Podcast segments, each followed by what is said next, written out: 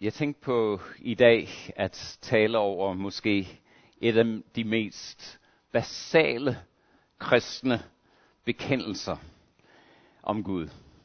At han er vores far. Og selvom I ikke kan læse, hvad der står deroppe, så kan I fornemme, at det første det er på græsk, der står Abba, Abba på græsk, og så på hebraisk står der Abba. Og øhm, det er et navn, som Jesus brugte, da han bad til Gud. Og det var et navn, som, som gjorde, at, at man kunne mærke med det samme, at der var ikke bare kontakt, men en følelse af nærhed og intimitet. Og det er jo det, der ligger i navnet far, eller det, der burde ligge i navnet far. At der er både det her med tillid og kærlighed, og det findes, eller det kommer i det nye testamente tre gange. I tre forskellige sammenhænge, som vi vil se i dag. Og øhm, det taler om det at have kontakt. En personlig, intim kontakt med Gud. Samtidig, når det står i vores bibler, så står der altid Abba, far. Og det sidste står på græsk, hopater, og det betyder, at ikke alene er der en intimitet mellem den, der taler med Gud på den måde, men der er også en anerkendelse for, hvem Gud er. Han er min himmelske far. Med al den respekt og ærefrygt, som også ligger i det. Det interessante er, at der er ingen anden religion i verden eller filosofi, som forstår Gud at være far. Kristendom er den eneste, der har den her gave. Og i det navn, der ligger der både noget teologi, men også en ansporing til vores åndelige liv, som vi vil komme ind på. Nu ved jeg, jeg ved ikke om det er her, men jeg ved, at der er folk i verden, som har haft en dårlig oplevelse med deres far. En far, som har misbrugt den, eller som har været væk fra dem, taget afstand fra dem, enten følelsesmæssigt eller fysisk. Og det kan ofte være en smerte, der er forbundet med det navn, fordi der var en, som ikke levede op til det ansvar, som de havde. Men når det er sagt, så tror jeg, og jeg er overbevist om, at der ligger i hver eneste en af os en fornemmelse alligevel om, hvad en rigtig og god far skulle være. Det kan ikke viskes ud, fordi Gud, som er vores skaber, har præget os med en fornemmelse af, hvad det vil sige at være barn og være passet på af en, som er større, stærkere og har mulighed for at, at, at, elske mig, som jeg burde elskes. Så det er det gode ved det. Og, øhm, og derfor projekterer vi ikke vores forkerte opfattelse af Gud, men vi tager imod, hvem han virkelig er. Og det, der er målet med gudstjenesten i dag, det er at præsentere den Gud, som er i Bibelen, som ønsker og kalder os til at blive hans børn. Skal vi bede sammen. Himmelske Far, vi takker dig, at du har åbenbaret dig som far. Som en levende Gud, som stadig ønsker at udfylde den her rolle som far. Og nu vil vi bede om, at du i dag vil lære os mere om, hvem du er. Og så mere end det, Gud. Og det er vores inderligste bøn. Drag os ind i det forhold, som virkelig gør, at vi kan gå herfra med en dyb længsel og en dyb vidshed om, at du er blevet vores far, min far. Amen. Den første gang, hvor det her udtryk kommer i det nye testamente, kommer i et meget intenst og meget barsk sammenhæng. Det er i Gethsemanes have, hvor Jesus står over for at, at gå ind i den sidste kamp, som hele hans mission handlede om. Det at gå mod korset, det at blive arresteret, og det at blive uretfærdigt dømt, og så blevet plaget og tortureret, og så til sidst at ende op på korset. Og i den intense kamp, der er Jesus det, at han desperat taler med sin far, og han siger følgende. Ups, sorry, det er mig, der skal skifte her.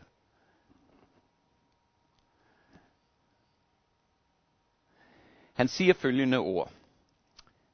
Jesus sagde, Abba, Fader, alt er muligt for dig. Tag dette bære fra mig. Dog ikke hvad jeg vil, men hvad du vil. Han begynder med de her udtryk, Abba, Fader. Og Abba er den, det ord, som man hører små børn sige til deres far, farmand, eller hvad den måtte være. Vi har vores barnbarn boende hos mig. Vi er sådan lidt engelsk præget, så han, jeg hedder grandpa for ham. Det er umuligt at sige for en lille fyr. Så han siger papa. Mine andre børnebørn, de vil sige det på den her måde. Nej, nej, nej. Jeg vil ikke til vampire. så det er jo også nogle af de oplevelser, man kan have. Men der er det her med, at, at der er den her familiaritet med mig. Det er det, der ligger i det her ord. Abba, min far. Og så siger Jesus, alt er muligt for dig. Han står over for korsfæstelsen, og han sveder blod, fordi der står i Markus evangeliet, sorg og angst fyldte ham. Alt er muligt for dig. Og med Gud som vores far, så kan vi udtrykke de dybeste længsler af vores liv, fordi han er villig til at høre på os. Men så er der det i den her bøn, som Jesus springer, også en aspekt om, hvem Gud er. Og han siger, tag dette bære fra mig. Du er god. Du er omsorgsfuld. Du er kærlig. Du kan tage denne her bære af, af stor smerte og ledelse og det værst tænkelige, for Jesus var ikke den fysiske, men det at han skulle adskilles fra sin far. Han skulle forbandes af Gud i Guds vrede over synd.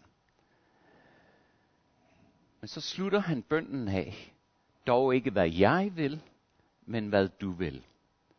Og vi bevæger os over til den anden del af det her udtryk, Abba, min far. Min far, du bestemmer over mit liv, og jeg følger, hvad du vil for mig. Så hvis vi skulle prøve at tænke igennem, hvad det her, den her lille bøn udtrykker for os, så er det klart, at Gud er personlig. Gud er ikke et koncept. Og forholdet over for Gud var ikke ceremonielt. Jesus skulle ikke rejse sig på en speciel måde og bede til Gud. Det kom fra et hjerte af et barn, der søger ud mod den, der kan hjælpe ham. Der er ikke noget filosofisk i det her. Der er ikke noget formelt i det her. Det var et skrig fra et hjerte af et barn, som har brug for hjælp. Og det fortæller os om, at den bibelske Gud er en nærværende Gud. Han er ikke fjern. Han er ikke ophøjet i en eller anden buddhistisk, følelsesløs, kold, fjern univers. Han er nærværende. Og derfor kan vi henvende os til ham. Og vi kan henvende os til ham, fordi vi hviler i, at han er en kærlig forsørger. Men samtidig så er der en bevidsthed om, at han er den almægtige og den alvidende. Og derfor så er han villig til at styre også de vanskelige oplevelser i mit liv hen mod et langt større mål, som har evighedsperspektiv. Og for den kristne er det den store gave. Ikke at alt går godt for mig her, men alt ender godt sammen med Gud. Og hvad siger det til dig og mig? Jesus lærte os, som er hans disciple, til at bede, Fader vor, du som er i himlen. Det var ikke et dis-udtryk. Nu kommer jeg til dem og spørger dem, almægtige Gud, om de vil gøre det her. Nej, det er det personlige. Far, du. Det er det intime, det er det tætte, og det er det, som Gud ønsker, vi skal opleve. Og i dette forhold, der er det, som vi har bedt for Maddie, at det vil være det, som beskytter mig i verden. Jeg er klar over, også med jer, som er familie her, sidste gang de fleste af os var samlet sammen med herinde, der var det for at tage afsked med kære Niels Peter. Så det gør ondt. Den her verden, det er smerte. Men ligesom vi, vi kunne takke for Niels Peters liv, så kunne vi også betro ham ind i den, ind i de faderarme, som var hans evige beskyttelse. Og det er derfor, at vi kan hvile i, at selvom livet går skævt for mig, så er der en, som er langt større end mig, som forstår, hvad det her er, og som hjælper mig. Og som styrer det mod hans endelige. Og derfor kunne Jesus i den her situation af stor smerte og usikkerhed og frygt og angst, så langt gik det ud for Jesus, at han var nødt til på det kors at råbe, min Gud, min Gud, hvorfor har du forladt mig? Et dybt hjerteskrægende skrig. Fordi på det tidspunkt, der blev han offer for al verdens synd. Og han skulle bære på sine skuldre alt det møg, jeg har gjort i mit liv, du har gjort i dit liv, og hele verdens befolkning har gjort. På det tidspunkt skulle han modtage Guds retfærdige straf over den synd. Men det var ikke Jesus sidste ord. Hans sidste ord fra korset var disse. Min far, i dine hænder betror jeg min ånd. Det næste sted, vi finder det her udtryk, det fortæller os, at Gud ønsker at gøre det, som Jesus havde med ham, noget, som vi kan have adgang til.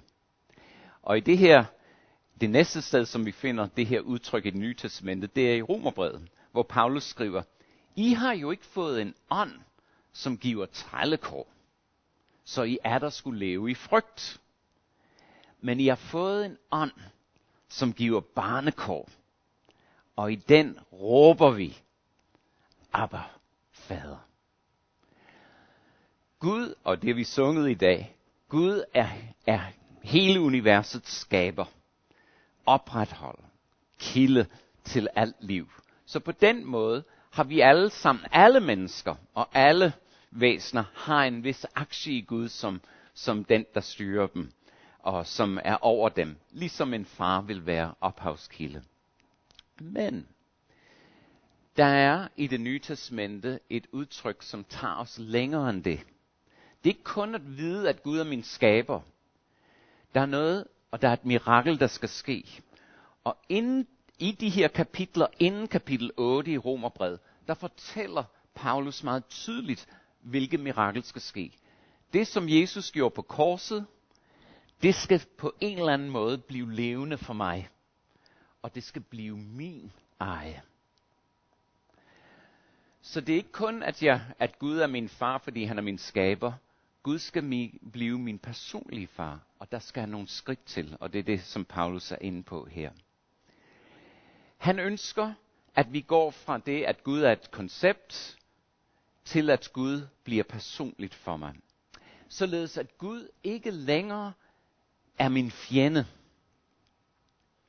Fordi i rette er han min fjende, fordi jeg har bevidst ville have ham som fjende. Ikke måske bevidst, men jeg har lige været ligeglad med ham. Det kommer vi tilbage til. Gud ønsker ikke længere, at jeg skal være fremmed over for ham, og han skal være fremmed over for mig. Han ønsker personlig kontakt med os. Og det fantastiske er, Gud ønsker ikke, at vi bare skal være gæst hos ham. Vi har en vejfest på vores vej næste weekend, og ham, jeg sådan sidder og arbejder med det her med, han var ind til dronning for at få sin 40 års fortjenestesmedalje. Og det er en stor oplevelse. Han kom ind, og dronningen personligt talte med ham. Men det var ikke sådan, at han kunne bare tage stolen op og så sagde, Nå, øh, skal vi lige have noget kaffe? Der var jo den der formelle afstand og alle de ting, som ceremonielt er rigtigt og sådan nogle ting. Og han får de der famøse tre minutter, og så er det ud. Og, øhm, og det er ikke sådan med Gud. Gud er langt større end vores dronning. Men du, det han har gjort igennem det, Jesus gjorde på korset, det var at gøre, at hans liv er tæt på mig, og jeg bliver derinde i al evighed.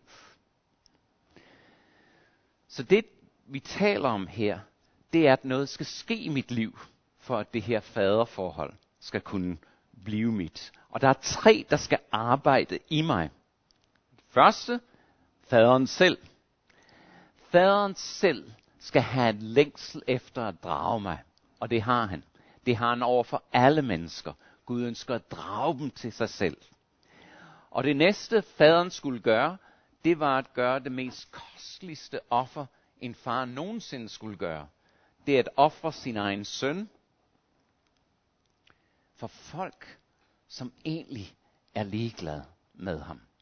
Jeg voksede op i Australien. Jeg var fuldstændig ligeglad med Jesus. Jeg ser mig intet. At Gud havde givet sin søn, jeg skulle bare trække på skulderen. Det betød intet for mig. Det næste, der skal gøre noget, for at noget sker i mit liv, det er Jesus selv. Jesus skulle gøre noget i mig, som man skal gøre i os alle sammen. Og det er, at jeg var ligeglad med at ære Gud. Jeg var ligeglad. Og jeg talte med en af mine kammerater, som var officer i flyvevåbnet. Han sagde til mig, vil du være Svend, hvis jeg kan blive F-16-pilot, så forlader jeg alt i Danmark. Jeg forlader min familie, jeg forlader mine børn, jeg forlader min, mit land. Det er det, jeg ønsker. Nu er jeg ikke sikker på, at han ville gøre det. Nu blev han heller ikke F-16-pilot, så, så, men, men, men det fortalt egentlig, jeg kunne sagtens identificere mig den der længsel. Jeg vil så meget tilfredsstillelse af det her i denne her verden, at jeg er fuldstændig ligeglad med alt. Det er en stærk drift i os som mennesker. Og den drift har jeg også set i Afghanistan, når vi var ved at, og gjorde det måske ikke specielt godt, vi var ved at uddele nogle ting, og hele, hele gruppen, skaren af mennesker der, de begyndte at slås med hinanden for at få fat i de der ting. Vi havde ikke gjort det ordentligt, og det skete. Og jeg kunne se foran jeg skal foran. Jeg skal, det er mig, det er min familie, og jeg er egentlig ligeglad med dig.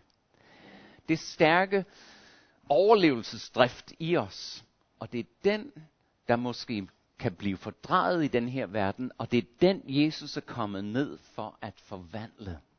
Knække på en måde og frigøre, således den er det, som Gud egentlig havde tiltænkt den til. Og det er jo derfor, Jesus døde for at bryde den de forkerte måde at håndtere de drifter i mig. Og så samtidig med hans opstandelse fra de døde, at udløse en helt nyt liv, en helt ny ånd i mig, således jeg kan begynde at lære at, at lære ham at kende på, sådan som han virkelig skal kendes. Og den tredje, der skal gøre noget i mig, det er Helligånden.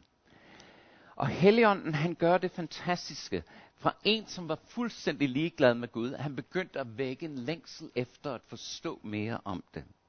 Og så gør han det, at han stille og roligt drager mig til at forstå, hvem Gud er. Og så kan jeg huske en novemberaften i 1977, hvor jeg kom til det punkt og sagde, Gud, hvis du er til, så bliv levende i mit liv. Og han svarede den bøn. Og så er den lange proces gået i gang, med at begynde at forme og danne mig til at være et menneske, som er, kan være mere til velsignelse end bare til forbandelse. Spørgsmålet til dig og mig er, har du den længsel? Har du den længsel til, at din evighed er i den almægtige Guds hænder? Har du den længsel efter, at han kommer ind og ændrer noget i dit liv? Den sidste gang vi møder det her, det er senere hen, Paulus skriver. Og fordi I er børn, har Gud sendt sin søns ånd i vores hjerter. Og den råber, Abba, fader. Når Helligånden kommer ind i vores liv, siger Paulus, så taler han. Og her siger han råber. Det udtryk på græsk, det er som et barn, der råber, fordi de har brug for faldet ned og har brug for hjælp fra deres mor eller far. Det er ikke nok, at jeg forstår teologien, at Gud er en far. Jeg skal erfare det. Og det er det, som Helligånden siger, at han vil gøre. At ske noget personligt i dit liv. Og det kan ske, ligesom det skete for mig. At du siger til Gud, Gud, hvis du virkelig er det, som Bibelen siger, du er. At du er min borg. At du er min evige sikkerhed at jeg kan blive gjort til at blive en gave fra dig til andre mennesker. Hvis du virkelig er sådan, så ønsker jeg at høre Helligåndens stemme i mit liv, der råber efter dig. Abba, Fader. Og Helligånden, han hjælper mig til at høre den her stemme. Og Helligånden hjælper mig til at tør tage det skridt, hvor jeg så siger sammen med ham, okay, Kom ind. Abba, Fader. Skal vi bede sammen. Himmelske Far, tak at du ikke kom for at give os en intellektuel forståelse af, hvem du er. Du er ikke et koncept, men du tilbyder dig selv til os i et personligt forhold. Og vi takker dig, at i dette forhold når det er et forhold til dig, igennem hvad du gjorde igennem Jesus, så kan vi finde tilgivelse, og igennem din mægtige helligånd kan vi også finde genoprettelse af vores liv. Her vi beder dig om, at enhver, som er ensom her, enhver, som har et dybt gab i deres liv, at du vil gå ind og fylde det gab, og vise den nærhed, som du har brug for. Vi beder efter dem, som oplever den her verden som barsk, hård, ond og uretfærdig. Og vi beder specielt for den her enke i dag, at du vil fylde hendes liv med en trøst, som ingen mennesker kan give. Og vi løfter os selv alle sammen over til dig i Jesu mægtige navn. Amen. Der er teenkirke i dag, så hvis du er teenager, så vil øh, James tage jer ned udenfor, og så kan I mødes med ham dernede.